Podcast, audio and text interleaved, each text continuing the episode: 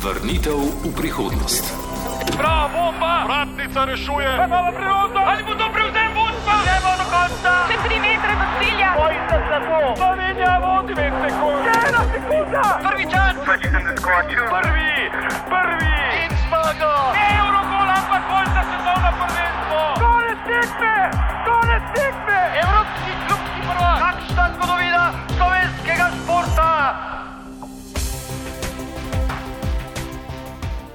Tina Maze je ena najboljših slovenskih športnic vseh časov. Do prve zmage v svetovnem pokalu je prismučala kot najstnica, do prve kolajne na velikih tekmovanjih pri 24 letih, ko je začela pot samostojno ekipo.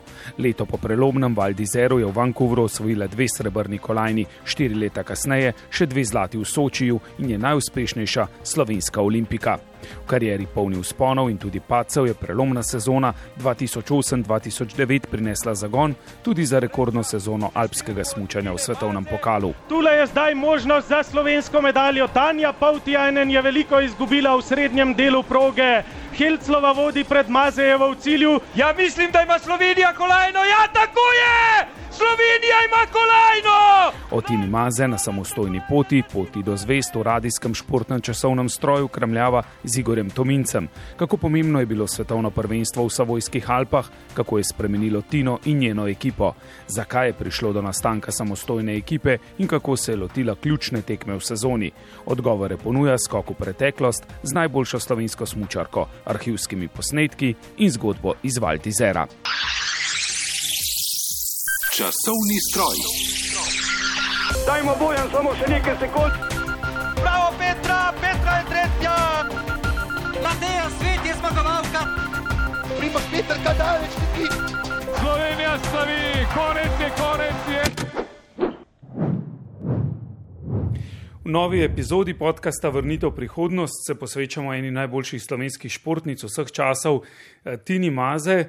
Ne bova še prepevala z Igorjem Temincem, tokratnim gostom My Way is My Decision, čeprav se bomo ob tem dogodku, prvi kolajni Tine Maze na velikih tekmovanjih, eh, spomnili tudi njene odločitve, da je njena eh, samostojna oziroma bolje rečeno drugačna pot, pot do uspehov. Eh, Tina Maze športnica, ki je nizala uspehe kasneje kot eh, v tem dogodku, ki bo srednja zgodba eh, tokratne epizode in sicer prva kolajna na svetovnih prvenstvih. Leta 2009 je prišla Igor prelomna sezona Tine Maze, verjetno v vseh pogledih, potem kar je kazala prej in kar je kaznala kasneje. Ja, sezona 2008-2009 je bila prva sezona, v kateri se je osnovala njena samostojna ekipa Team to Amaze. Ne smemo pozabiti, da je Tina Maze nizala uspehe v svetovnem pokalu že tudi predtem, šest zmag eh, v karieri že je imela pred samostojno sezono in eh, sicer pet veleslalomskih in tudi eno smukaško. No, potem pa jasno, samostojna ekipa Tine Maze, ki je odprla neke nove dimenzije. Začetek eh, sicer ni bil vrhunski in obetaven, ampak eh, hitro je Tina Maze premagala tisti začetni krč s samostojno ekipo. Pa eh, seveda težave ob izredno nizkem proračunu, zelo težke, slabe razmere za priprave, predvsem finančno, so bile v tisti njeni prvi samostojni sezoni, ampak eh, rezultati so se na srečo hitro začeli in eh, še pred svetovnim prvenstvom v Valdizeru je že prišla nazaj v najožji krok eh, favoritin. In prav pred tem svetovnim prvenstvom v Valdizeru je za popotnico, čeprav to ni bila zadnja tekma, ampak zmagala pred domačimi gledalci v Mariboru. Eh, to je verjetno neka posebna zgodba, ko tekmovalec, tekmovalka zmaga pred svojimi navijači. Ni bilo prvič, Tina Maza je že zmagala na vele slalomu v Mariboru predtem leta 2005, ampak eh, te zmage nasploh v Mariboru so bile verjetno tudi za njo nekaj posebnega. Euforija je bila morda še večja potem kasneje, ko se je ona vračala v Maribor kot olimpijska zmagovalka, pa prihajala eh, s kolajnami iz vseh največjih tekmovanj, ampak eh, že te smernice sezone 2008-2009 so nakazovale, da eh, se lahko nekaj posebnega zgodi tudi na svetovnem prvenstvu. Ja, veliki koraki so se zgodili od oktobra, od uvoda v Seldnu do januarja do nekaj dni po novem letu, ko je dosegla zmago v Mariboru. Spomnim se uvodne tekme v sezoni v Seldnu, ko je nastopila štartno številko 29 in osvojila samo 37. mesto. To je bila prva tekma s samostojno ekipo in tisti, ki smo tekmo spremljali v živo in ki smo videli njeno smučanje, smo rekli: Ojoj, tole pa ni v redu, tole pa začetek konca. Kakšna je bila tista predstava na tisti tekmi Tine Maze? Ampak verjamem, da je bila to samo tekma v psihološkem krču zaradi prevelikega bremena pričakovanj. Na tisti tekmi je bila zunaj 30-terica, bila je šele tretja najboljša slovenka na vele slalomu. In potem je bil praktično več kot mesec dni časa do naslednje prave priložnosti, da se spet dokaže, in v tem času si lahko predstavljamo, kaj vse se je dogajalo v njeni glavi, pa v glavi vodje ekipe Andreja Masija. Če športnik nima potrditve, izredno trpi, to jasno, o tem ni dvoma. Prav s tem ponesrečenim nastopom v Seldnu je izpadla iz prve trideseterice v vele slalomu, kar je bilo naravnost nepojemljivo od samega začetka njene karijere. In potem v Espnu mesec dni zatem, nekaj več kot mesec dni zatem, nastopila startno številko 46. Na srečo je bila potrebna samo ena tekma, da se je vrnila v 30-terico, v Espnu je osvojila deseto mesto, potem pa so se njene številke in vrhunski rezultati, vse to se je izboljševalo. Na naslednji tekmi je bila številka že 27. Se, na Semeringu pred novim letom 24 in na to je v Mariboru zmagala startno številko 20. Seveda ne bomo objokovali kakšnih stotink, če bo Denis Karbon pred Tino Maze, vendar pa bomo še tako bolj zadovoljni, če bo zaostala za njo in zaostala je! Denis Karbon je druga, Tina Maze pa zmagovalka! Tina Maze je zmagovalka vele slaloma za 45. zlato lisico. Noč to je darilo mojim dvem trenerjem, ki sta se trudila, um, navijačem, ki so bili tu in sponzorjem, ki so nam pomagali letos, da smo si lahko uresničili to pot začrtano. Um, Manj kar so za oči, ker sem zares vesela tega rezultata. To je bila prva zmaga v njeni moderni dobi in od tega Maribora je res uh, steklo. V Kortini Dampeco v nadaljevanju januarja je bila potem že v prvi jakostni skupini na svetovnem prvenstvu v Valdizeru že v elitni sedmerici, torej ravno pravi čas in uh, tako je lahko 12. februarja po veliki drami sicer osvojila svojo prvo medaljo na svetovnem prvenstvu oziroma nasploh na velikih tekmovanjih. My Way is My Decision sem že enkrat omenil, uh, pesem, ki je nastala kasneje s pomenljivim naslovom, z namenom, da sporoči, da je bilo pravzaprav, ko se je odločila za samostojno pot, vse uh, tako, kot si je ne na zadnje sama želela.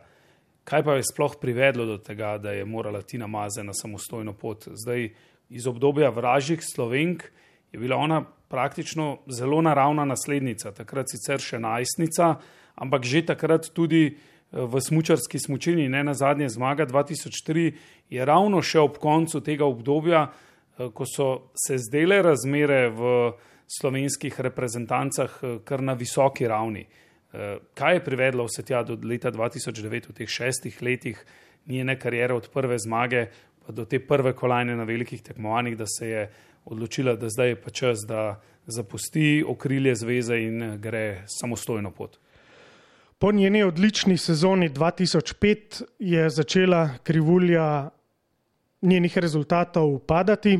Če pogledamo, kakšna je bila krivulja njenih rezultatov v karieri, je bilo to v obliki črke M, s tem, da je seveda drugi krak M bil precej višji kot eh, prvi.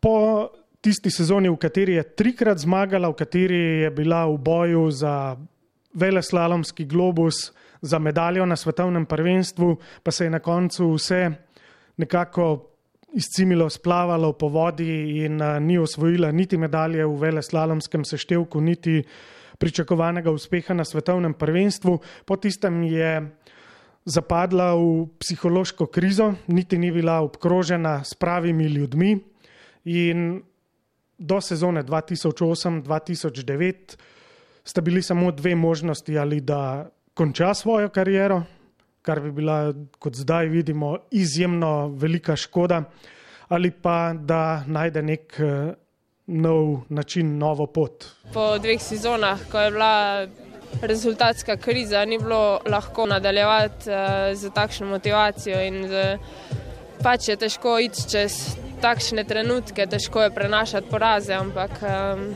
nekako jih moraš sprejeti in um, zdaj smo napravili toliko rezultatov letos, da ne znamo pisati zadovoljstva.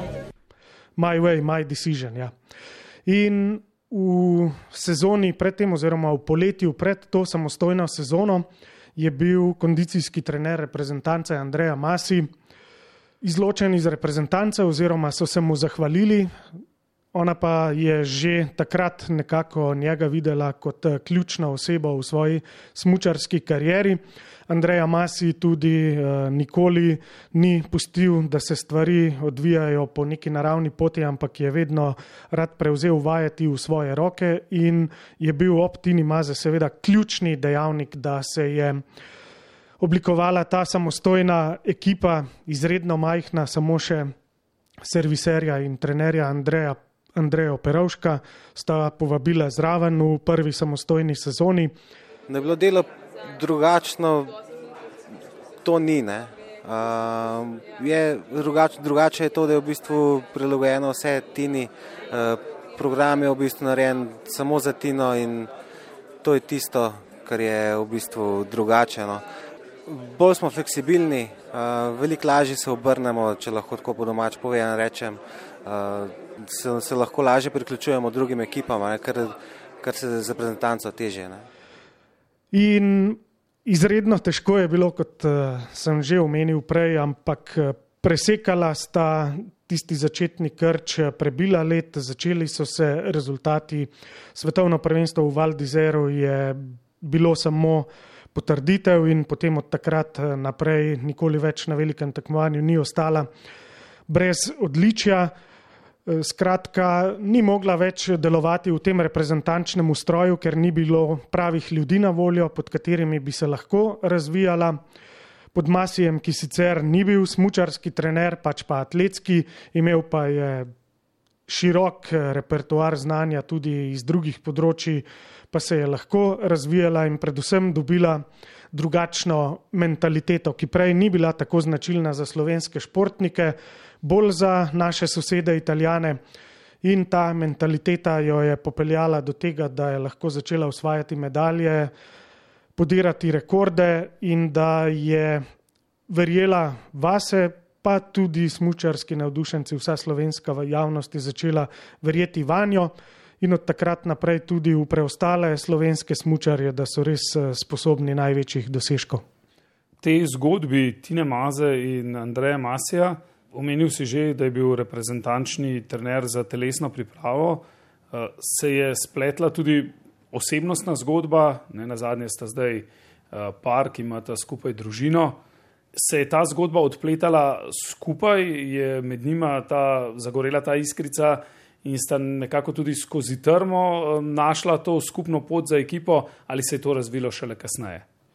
Ja, to se je razvijalo usporedno. Ne. Če ne bi bila tako močno povezana, že takrat mislim, da bi težko osnovala to samostojno ekipo, ki je imela na začetku samo 50 tisoč evrov proračuna.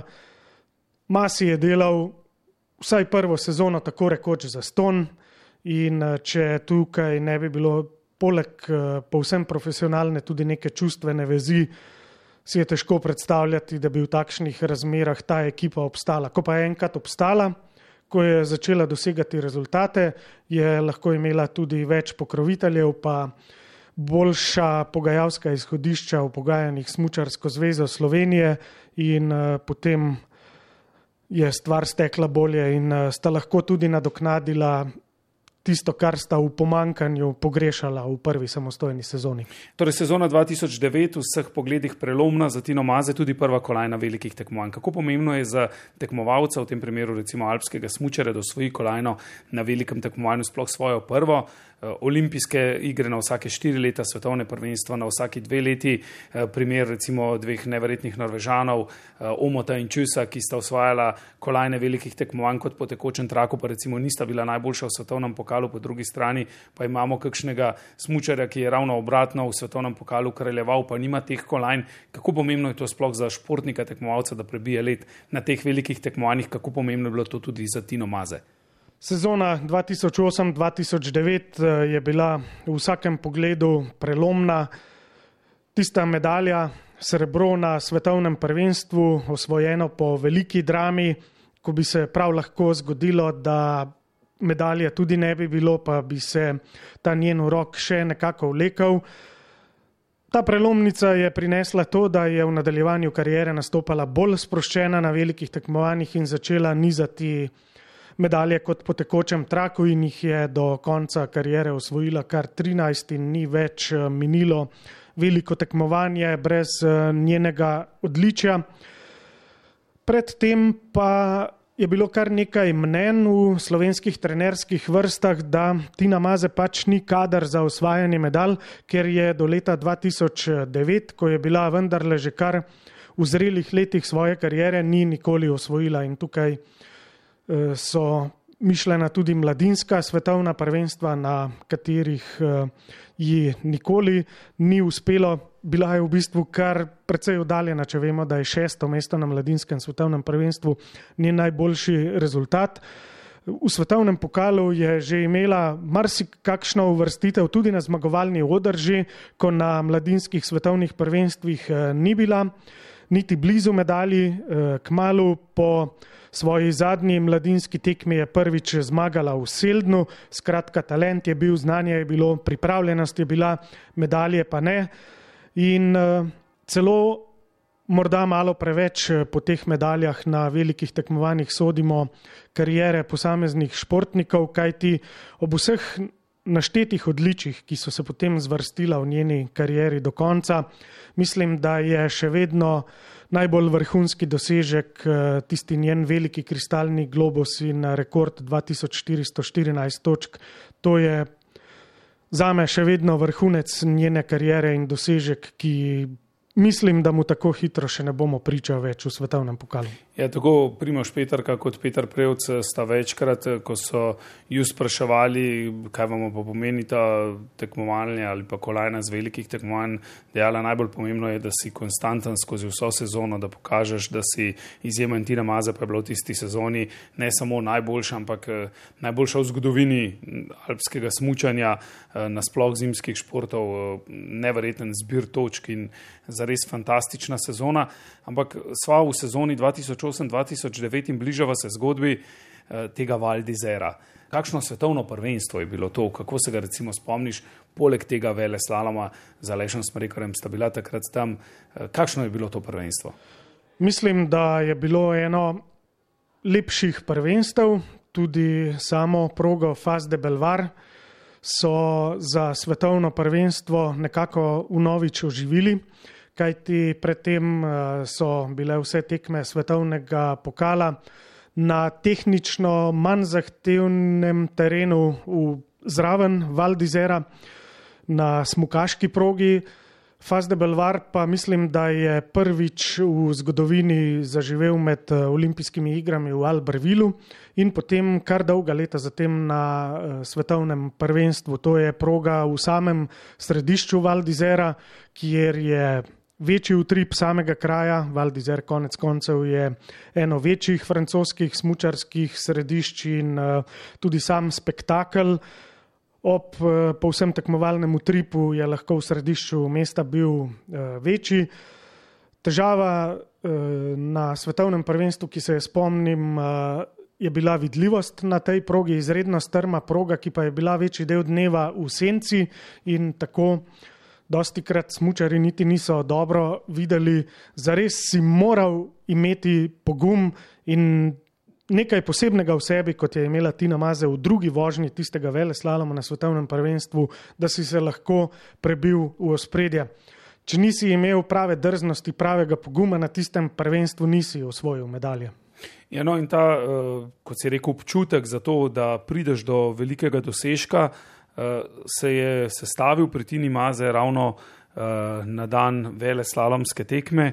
Eh, dan, ki jo je pripeljal do kolajne, ampak eh, je bil pa poseben dan, eh, ne ravno enostaven, tudi za to skromno, majhno ekipo. Napetost je visela v zraku, da bi jo lahko kar rezal. Ta veleslalom je bil njena zadnja realna možnost za medaljo na tem svetovnem prvenstvu.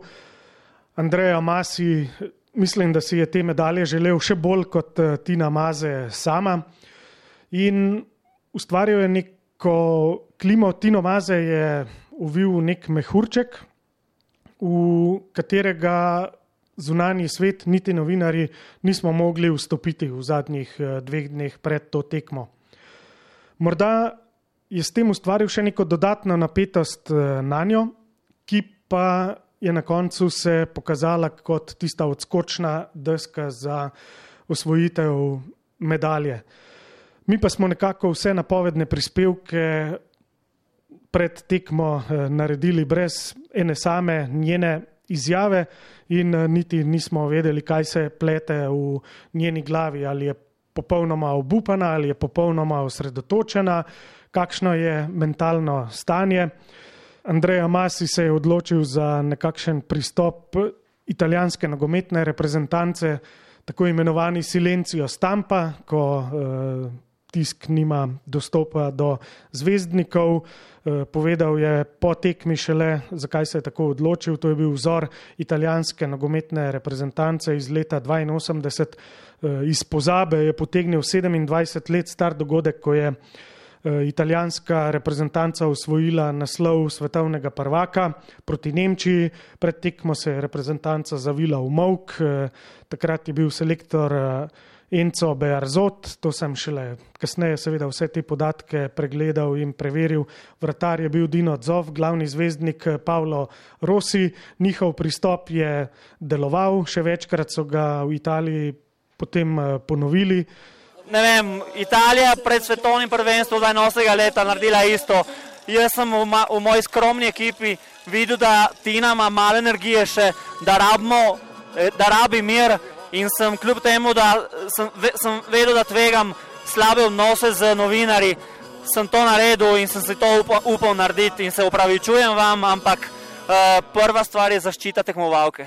Ali se s tem ustvari varna cona okrog športnika, ali se ustvari neko posebno stanje, težko ocenjujem, ampak v tem konkretnem primeru je to rodilo uspeh. V nadaljevanju karijere sicer tudi Tina Maze ni bila vedno najbolj dostopna športnica za intervjuje in vse, ampak eh, tak pristop deluje samo enkrat in da bi ostali povsem brez izjav, se v bistvu potem ni eh, več dogajalo. Mislim pa, da se je ustalil nek red, da na dan pretekmo jih pa res eh, ni bilo. Potem več in to še danes nekako velja v slovenskem smučanju. Tako, gremo na svetovno prvenstvo v Val d'Isère sezono 2008-2009 na tekmo, ki je Tini Maze prinesla prvo kolajno velikih tekmovanj, nas bo popeljala Nina Smole. Iz našega arhiva. 12. februarja leta 2009 je Tina Maze postavila pomemben menik v svoji karieri. V Val d'Isère je prišla do svoje prve medalje na svetovnih prvenstvih, pot do nje pa je bila vse prej kot lahka. Prvenstvo je začela s petim mestom v superveleslalomu, na to v kombinaciji odstopila, v smuku pa končala na 14. mestu. Po smokaški tekmi se je vidno razočarana umaknila v samoto, nedostopna je bila tudi za medije. Sledil je veleslalom in po prvi vožnji, kjer so ji zahtevno progo dodatno oteževala še orošena smučarska očala, je že kazalo na rezultat, ki Korošice ne bi zadovoljil. Z zaostankom dveh sekund in stotinke za vodilno po prvi vožnji, ostriko Katrin Cetel je končala na 15. mestu. Kaj drugega kot popoln napad na vso moč v drugi vožnji za njo sploh ni bilo smiselno. Takole sta drugo vožnjo in uspeh Tine Maze pred 11 leti na prizorišču spremljala Igor Tominec in Aleš Smrekar. V Valdizeru je štartala Tina Maze 15. po prvi vožnji. Tudi zdaj le spremljamo drugo Tino Maze, napadalna vožnja, sekunda 57 prednosti pri prvem merjenju umestnega časa, boljša je vidljivost, to je voda na mlin Tine Maze in upajmo, da se ji do cilja izide ta napadalna vožnja. Torej, druga Tina Maze na finalni progi. In v cilju je Tina Maze s prednostjo 2 sekund in 8 stotink. Togotna je, kaj ti ve, da je zamudila priložnost v prvi vožnji, ve, da je zdaj le pokazala pravi obraz. Po prihodu v cilj, ko je na ekranu zagledala svoj čas in prednost 2 sekund in 8 stotink, je že slutila, da se ji obeta dober končni rezultat. Ko sem prišla v cilj, sem mislila, da bom imela kakšno sekundo prednosti, ker sem smučala dobro in imela sem dober občutek. Potem sem videla, da sta dve in to je tak enkraten občutek, ki ga zares ne doživiš prav pogosto. In dve sekundi se mi je zdelo, da bi me lahko pripeljalo naprej. Seveda pa so bile na štartu še ogromno dobre tekmovalke in mi je uspelo jih premagati drugi važni. Tule je zdaj možnost za slovensko medaljo. Tanja Pautijajnen je veliko izgubila v srednjem delu proge. Helclova vodi pred Mazejevo v cilju. Ja, mislim, da ima Slovenija kolajno. Ja, tako je! Slovenija ima kolajno! Najmanj bronasta kolajna za Tino Maze! In Slovenija po dolgih osmih letih čakanja ponovno s kolajno na svetovnem prvenstvu. Najmanj bronasto, ne, mislim, da bo to srebrna, kaj ti Katrin Cetel je že v zgornjem delu napravila veliko napako, ampak počakajmo. Zdaj odločajo zadnji zavoji o žlahtnosti slovenske medalje. Cetlova je šesta, Tina Maze pa srebrna. Tina Maze pa srebrna na današnji tekmi. Presenečenje v nemškem taboru svetovna prvakinja Katrin Helcel. Presenečenje pa, če upoštevamo, kakšen je bil položaj po prvi vožnji tudi v slovenskem taboru. Tina Maze srebrna v Valdizeru, pa saj to je neverjetno. Po prvi vožnji je bila 15. in zaostajala dve sekundi za vodilnimi smučarkami. Končno se je izšlo, končno je bila sreča in znanje na slovenski strani po osmih letih na velikih tekmovanjih. Sreča in znanje, predvsem pa velika ustrajnost in nepopustljivost so faktori, ki so Tino Maze v drugi vožnji z 15. mesta popeljali na zmagovalni odr. Na koncu je bila takrat 25-letni črnjanki Kosle leto dni mlajša Nemka Katrin Helcel. Prehitela jo je za 900 sekunde, tretja je bila Finka Tanja Poutjajnen. Tina Maze je slavila svojo malo številčno ekipo Team to Amaze, ki se je oblikovala prav pred to sezono in se je z njo veselila že januarja na Zlati lisici, kjer je zmagala v vele slalomu. Ekipo sta v prvi sezoni poleg Mazejeve sestavljala še trener in serviser Andrej Perovšek ter človek, ki je znal Tino narediti vrhunsko. To je bil kondicijski trener, fizioterapeut in vodja ekipe ter njen partner Andreja Masi. Ja, razpoloženje po takem rezultatu eh, mislim, da ni, ni treba opisati. Eh, najboljše, kar se, lahko, kar se nam je lahko zgodilo danes po prvem teku, ki je bil katastrofalen. Vse nam je šlo malce slabo na tem svetovnem prvenstvu, sem pa do konca rekel tudi perovško, da ne gremo domov brez kolajne. In res niso. Je pa na medaljo tako dolgo kot Tina čakala tudi Slovenija. Po slalomskem bronu Mitja Kunca v Sant Antonu leta 2001 na svetovnih prvenstvih slovenski smučari in smučarke niso več stopili na zmagovalni odr. Tega leta je na svojem prvem svetovnem prvenstvu nastopila tudi Tina Maze, do prve medalje pa prišla štiri prvenstva kasneje. Njen najboljši rezultat na velikih tekmovanjih predtem je bilo peto mesto v Sankt Moricu leta 2003. Vse ob svojem času bi, bi rekli, Um, jaz mislim, da sem si jo zaslužila z svojim delom in z trudom, ki sem ga vlagala v ta šport. In, um, delala sem v bistvu za medaljo iz velikih tekmovanj, prav tako delam za ostale uspehe. In, ampak te imajo neko posebno težo. Um, je le svetovno prvenstvo in vemo, da te medalje koštajo malo več kot pa tiste iz svetovnega pokala. Posebno težo uspehu so dodali tudi številni slovenski navijači, predvsem iz Črne na Koroškem, ki jih je Tina po tekmi takole pozdravila in se jim zahvalila za podporo. Prav, fiši! Super ste! Hvala! Ja, jaz mislim, da bodo pripravili kaj. Jaz sem bila presrečna dan zjutraj, ko sem jih slišala, da s tem sirenom, da so prišli navijati. Nisem niti vedela, da pridejo.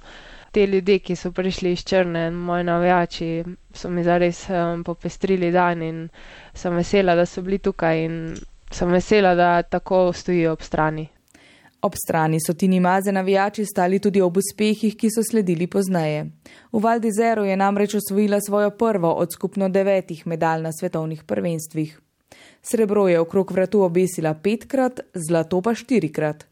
Še bolj pa navdušuje dejstvo, da je odličje na štirih različnih svetovnih prvenstvih v svoji karieri osvojila v prav toliko različnih disciplinah. Vrnitev v prihodnost. Slišali smo zgodbo svetovnega prvenstva, vele slalomske preizkušnje. Igor, se spomniš, ko si omenil pred tekmo Silencijo Stampa, kako je bilo po tekmi? Zagotovo se tega dobro spomnim, jasno, da je vsa napetost uh, popustila. Tina uh, nam je seveda povedala, kako uh, z jezo in kako z nekim dodatnim nabojem je odpeljala tisto drugo vožnjo. Imeli smo veliko možnosti intervjujev z njo po tisti prelomni tekmi. Imeli smo jo tudi v daljšem pogovoru v večernem programu, se takrat spomnim, poleg uh, samega intervjuja po tekmi, pa po podelitvi medalj. Skratka, ogromno tega je bilo zapovedati. Me je zelo razjezilo to, kar se mi je zgodilo v prvi vožnji, ker enostavno pač nisem mogla sprejeti tega dejstva, da nisem videla polovico proge in um, sem si mislila, zakaj moram imeti zopet tako smolo um, da se mi na teh tekmovanjih kaj takega zgodi, ker sem je že prej na mladinskih svetovnih prvenstvih sem enkrat zgubila očala in sem pol proge presmučala brez očal in take stvari jasno te zelo razjezijo in ampak um, sem se razjezila v pravo smer v drugi vožnji. Bilo je pa zelo, zelo čustveno, ampak eh, Tina Mazen ni bila tekmovalka, ki bi se euforično veselila svojih uspehov, da bi to trajalo kar v nedogled izredno hitro je znala tudi preklopiti k novim preizkušnjam. Eh, za vse šampione velja, da praktično že nekaj minut po tekmi so z glavo pri naslednji preizkušnji. To se je pri njej tudi videlo in večkrat v karieri opazilo, tudi še v nadaljevanju. Zato je potem kar serijsko osvajala še medalje na velikih tekmovanjih, ker je noben posamični uspeh ni izžel čustveno do te mere, da kasneje ne bi bila zmožna rezultata ponoviti. Tina Maze, omenil si že 13 kolajn velikih tekmovanj, prva v omenjenem Valdizeru. Eh, prinesla je ogromen zagon tej majhni ekipi. Kaj pa je prinesla slovenskemu smutnju v tistem trenutku? Je znala tudi slovensko smutnje v celoti vzeti kaj od tega, ali so se poti eh, zveze in te majhne ekipe še bolj ločile in postale pravzaprav še bolj ločene do te mere celo, da je slovensko smutnje potem kar dolgo čakalo na Tinino naslednico ali pa vsaj smučarko, ki bi bila lahko konkurenčna. Njena zapuščina v slovenskem smutnju je ogromna, sicer odnosi samo zvezo nikoli po osnovanju samostojne ekipe niso bili več eh, briljantni, bili so samo slabi ali manj slabi, če temu tako rečem, tudi po tej prvi odlični sezoni, ko je osvojila medaljo. Uh, s pogodbo niso kaj drastično izboljšali finančnega statusa, tako da je pravzaprav eh, morala skupaj z Andrejo Masijem in njegovimi pomočniki večji del eh, svojega proračuna oblikovati samostojno, šele precej kasneje so ji zagotovili na zvezi toliko denarja, da je lahko celoten tekmovalni in pripravljalni program izpeljala s tem denarjem. Mislim pa, da je največja zapuščina ta v mentalnem smislu, ki je spremljala potem tudi slovenske zimske športnike, ne samo alpske smučarje v nadaljevanju. Da so namreč vsi začeli verjeti, da se enostavno s trdim delom, s dobrimi pripravami medalje da osvajati in uh, To se je potem kmalo pokazalo naslednjo sezono na olimpijskih igrah v Vancouvru in se potem stopnjevalo do Sočija. Za Soči vemo, da so najuspešnejše slovenske igre v zgodovini nasploh z osmimi medaljami slovenskih športnikov. V samem Sočiju so vsi verjeli, praktično vsak, ki je odšel na olimpijske igre, je že verjel, da lahko poseže v boj za kolajne in nekdo je moral poskrbeti za to mentaliteto. Ne bom rekel, da je bila pri tem Tina Maze edina ključna oseba, je bila pa ena zelo, zelo pomembnih, da se je ta mentaliteta slovenskih športnikov oblikovala in da danes slovenski športniki, tudi alpski smučari, odhajajo na svetovna prvenstva, na olimpijske igre, z mislijo na medalje vedno. In potem jo lahko konec koncev usvoji tudi Štefan Hadalin na zadnjem svetovnem prvenstvu, pa Ilka Štuhec dvakrat zapored na smukaškem tronu. Skratka, vera v rezultate se je povečala.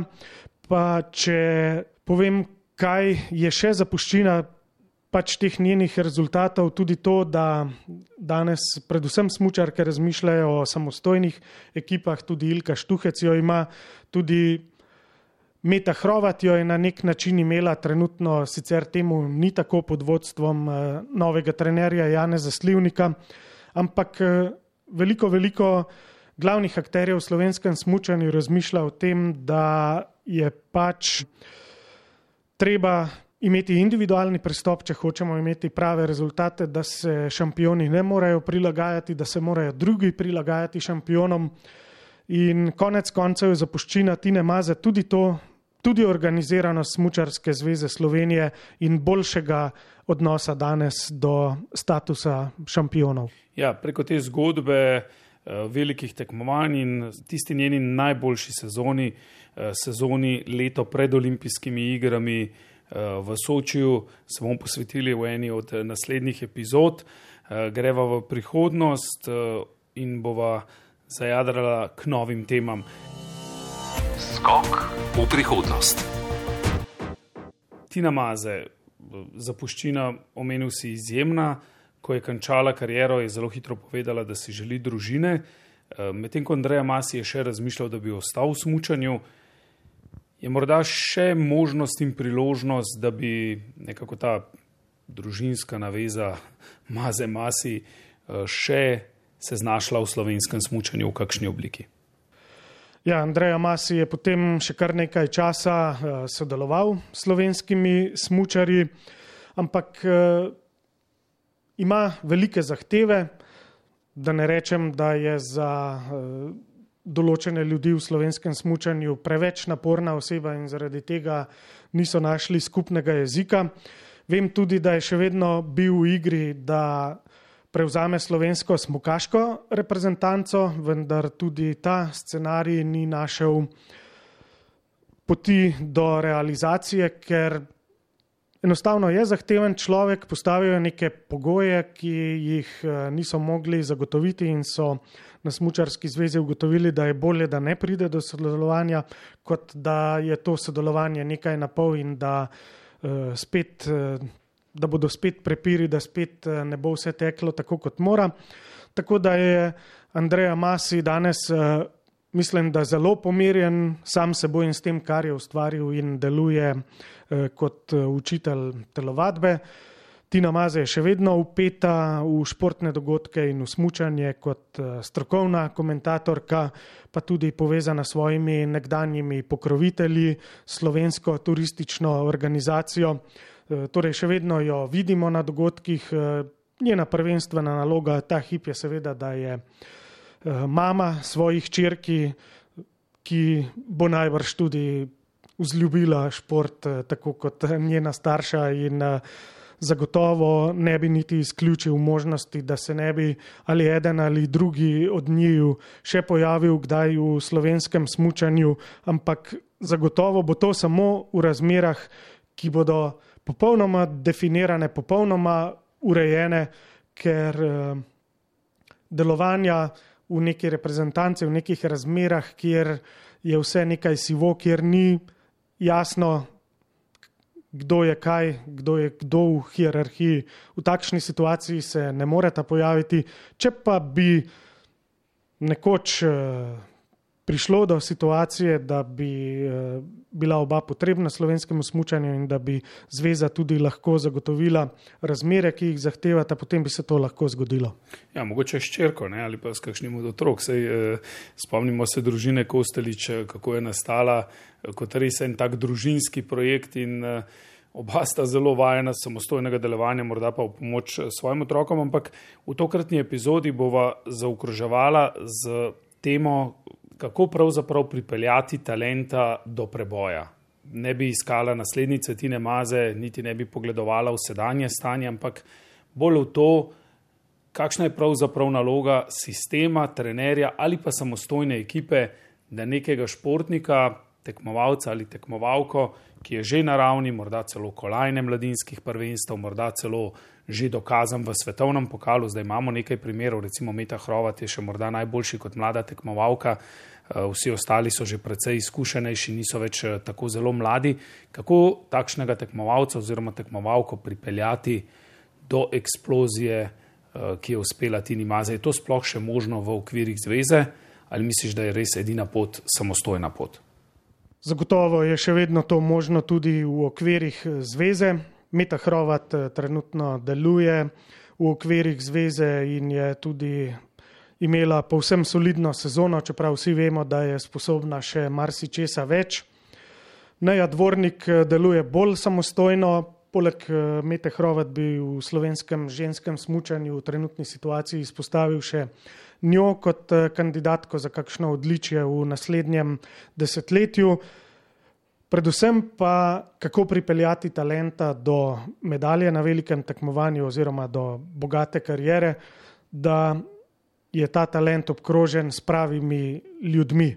Mislim, da je bilo v obdobju Tine Maze v slovenskem smučanju vse preveč, premalo ambicioznih ljudi, še danes eh, morda premalo sveže krvi za okroži v slovenskih smučarskih reprezentancah, vse preveč se imena ponavljajo in potem se pridemo v nek cikl, iz katerega ni več izhoda v neko spiralo.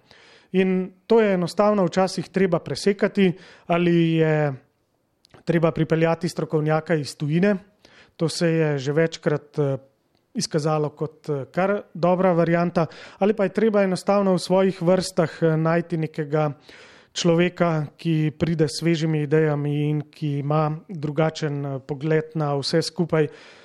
Težava pa je, kot eh, vedno v financah, jasno, slovensko smučanje je zaradi te korona krize, zaradi izpada denarja od organiziranja mednarodnih tekmovanj in sponzorskih sredstev. Zdaj spet v minusu, potem ko se je nekako stvar že do dobra sanirala in enostavno zdaj spet ni tistega denarja na zvezi, da bi lahko pripeljali zvenečo trenersko okrepitev. Tukaj pa ne vem, zdaj bolj kot vem o smučarkah, tukaj jaz govorim o recimo slovenski moški smukaški reprezentanci, ki zagotovo bi potrebovala nek nov, svež veter, neko novo odmevno ime, nekoga, da preseka uh, trenutni položaj. V ženski reprezentanci je zdaj klima kar dobra, je trenerska zasedba dokaj dobra in so te talentirane tekmovalke obkrožene s pravimi ljudmi v vseh segmentih eh, slovenskega smučanja. Morda ni tako trenutno in ni bilo tako niti v preteklosti, ampak eh, to je zagotovo eh, pravi recept. Če imaš še tako vrhunsko smučarko ali smučarja, pod nepravim vodstvom ne bo rezultata. In najbolj nas na to spomni situacija Tine Maze v letu 2008, ko je praktično bilo na tem, da konča svojo kariero zaradi enostavno napačnih ljudi. Če bi takrat ona končala svojo kariero, bi danes imela slovensko smučanje 13 medalj manj. To je, to je praktično polovica vseh medalj, ki jih je slovensko smučanje osvojilo. No, zaključujeva ta pogovor še s pogledom z neko tako znanstveno fantastiko oziroma z bolje rečeno razmišljanjem za ne tako daljno bližno prihodnost. Soči si omenil kot najuspešnejši igre slovenskih zimskih športnikov. ni seveda svojega kamenčka mozaik dodala samo Tina Maza, je bila pa glavna z dvema zlatima kolajnama na teh igrah. Zelo, zelo blizu bodo, uh, oziroma so že olimpijske igre v Pekingu, samo ena sezona je še pravzaprav priprav na te igre, potem bo šlo uh, za res, uh, kakšnem stanju bo prišla slovenska alpska reprezentanca na olimpijske igre v Pekingu, primerljivo z Pjongčangom, Sočijem, s čim, glede na to, kje so trenutno slovenski tekmovalci, zdaj Žan Kranec morda celo v najboljši formi, morda tudi Meta Hrovac z več izkušnjami, je lahko morda slovensko alpsko smučanje na olimpijskih igrah v Pekingu celo najuspešnejše doslej na igrah s temi svojimi aduti, pa čeprav eh, takšnega znanja, kot ga imela Tina Maze, ne kažejo ne, posamezniki. Ja, če bi hotelo biti slovensko smučanje v Pekingu najuspešnejše doslej, bi moralo posekati dve zlati medalji Tine Maze iz Sočija. Imeli bomo svoje kandidate, ne vem ali ravno za zlato medaljo, za medaljo pa zagotovo. Žana Kranca pričakujem v Pekingu v boju za medaljo, prav tako pričakujem Meto Hrovat, da bi se ponovil v Soči, se morajo še vse zvezde poklopiti, boginja Fortuna mora biti naklonjena in tako naprej. Se pravi, zagotovo bomo imeli eno izredno močno ime pri moških in eno pri ženskah. Imamo potem še rezervne kandidate, Štefan Hadalin, še zlasti, če bi morda glede na to, da je bilo veliko kritik na trenutni format kombinacije, kdaj spet spremenili format, da bi bil spet bolj pisan njemu na kožo, bi lahko meril v Pekingu na kombinacijsko medaljo ali pa če bo že takšen slalomski napredek tudi na slalomsko. In pa mladinska svetovna podprvakinja Neja Dvornik bo imela dve leti več eh, karijere za sabo. Sicer je morda ta hip prezgodaj govoriti o tem, da bi bila kandidatka za medaljo, ker še nima točke svetovnega pokala, ampak eh, ta možnost je. In pa, če se uspe popolnoma preporoditi smukaška vrsta, da bi kdo postal spet konkurenčen. Dan danes je popolnoma nepredstavljivo, da bi kdo od smukačev osvojil medaljo, ampak eh, veliko spremembo lahko prinese ta dve leti in uh, morda kdo od njih eh, spet najde nekdanje šampionske občutke. Pa jasno, da bo Peking, uh, mislim, da tudi lahko eno zadnjih velikih tekmovanj Ilke Štuhec. Ne smemo pozabiti na njo. Zadnja sezona je bila seveda daleč od idealnega, ampak še vedno trdim, kdo je že osvajal medalje, kdo je nekoč že imel zmagovalne občutke, ne rabi tako veliko, da pride nazaj. Samo trenutno pač ta mozaik eh, je daleč od sestavljenega, trenutno je kar precej zmešan in razbit. Ja, tri, štiri tekmovalce si omenil, ne? To pa je številka, s katero Slovenija recimo ni šla od Soči, imela pa je super zvezdnica Tino Maze in Slovenija že dolgo ni bila recimo na olimpijskih igrah s tako močno reprezentanco, se bo potrebno vrniti verjetno kar v prejšnjo tisočletje, eh, da bi bili tam, eh, kar pomeni, da slovensko smučanje vendarle ne spi, ampak ustvarja dalje in da morda prihajajo tudi še celo tako lepi časi, kot so bili časi Tine Maze. Igor, uh, hvala za ta pogovor, seveda v upanju, ne, da v Pekingu uh, slovensko smučanje pa morda se predstavi na drugačen način z več posamičnimi kandidati za najviše vrstitve kot z enim superzvezdnikom. Na zadnje je to za razvoj smučanja verjetno še bolje. Ja, zagotovo. Torej, ne bomo imeli v prihodnosti, verjamem, da ne. Ogromne reprezentance, takšne kot je bila recimo včasih vražjih slovenk, ampak očitno še vedno na vsake toliko časa zraste nek eh, velik talent v slovenskem smučanju in še vedno ne bomo brez možnosti na velikih tekmovanjih. Hvala lepa torej za pogovor, naslednja epizoda pa sledi v petek. Vrnitev v prihodnost. Mislim, oprostite vse skupaj, ampak bom drugič kaj več povedal. V naslednji epizodi se bomo v petek posvetili še enemu olimpijskemu prvaku, Primožu Kozmusu in zlati kolajni v Pekingu.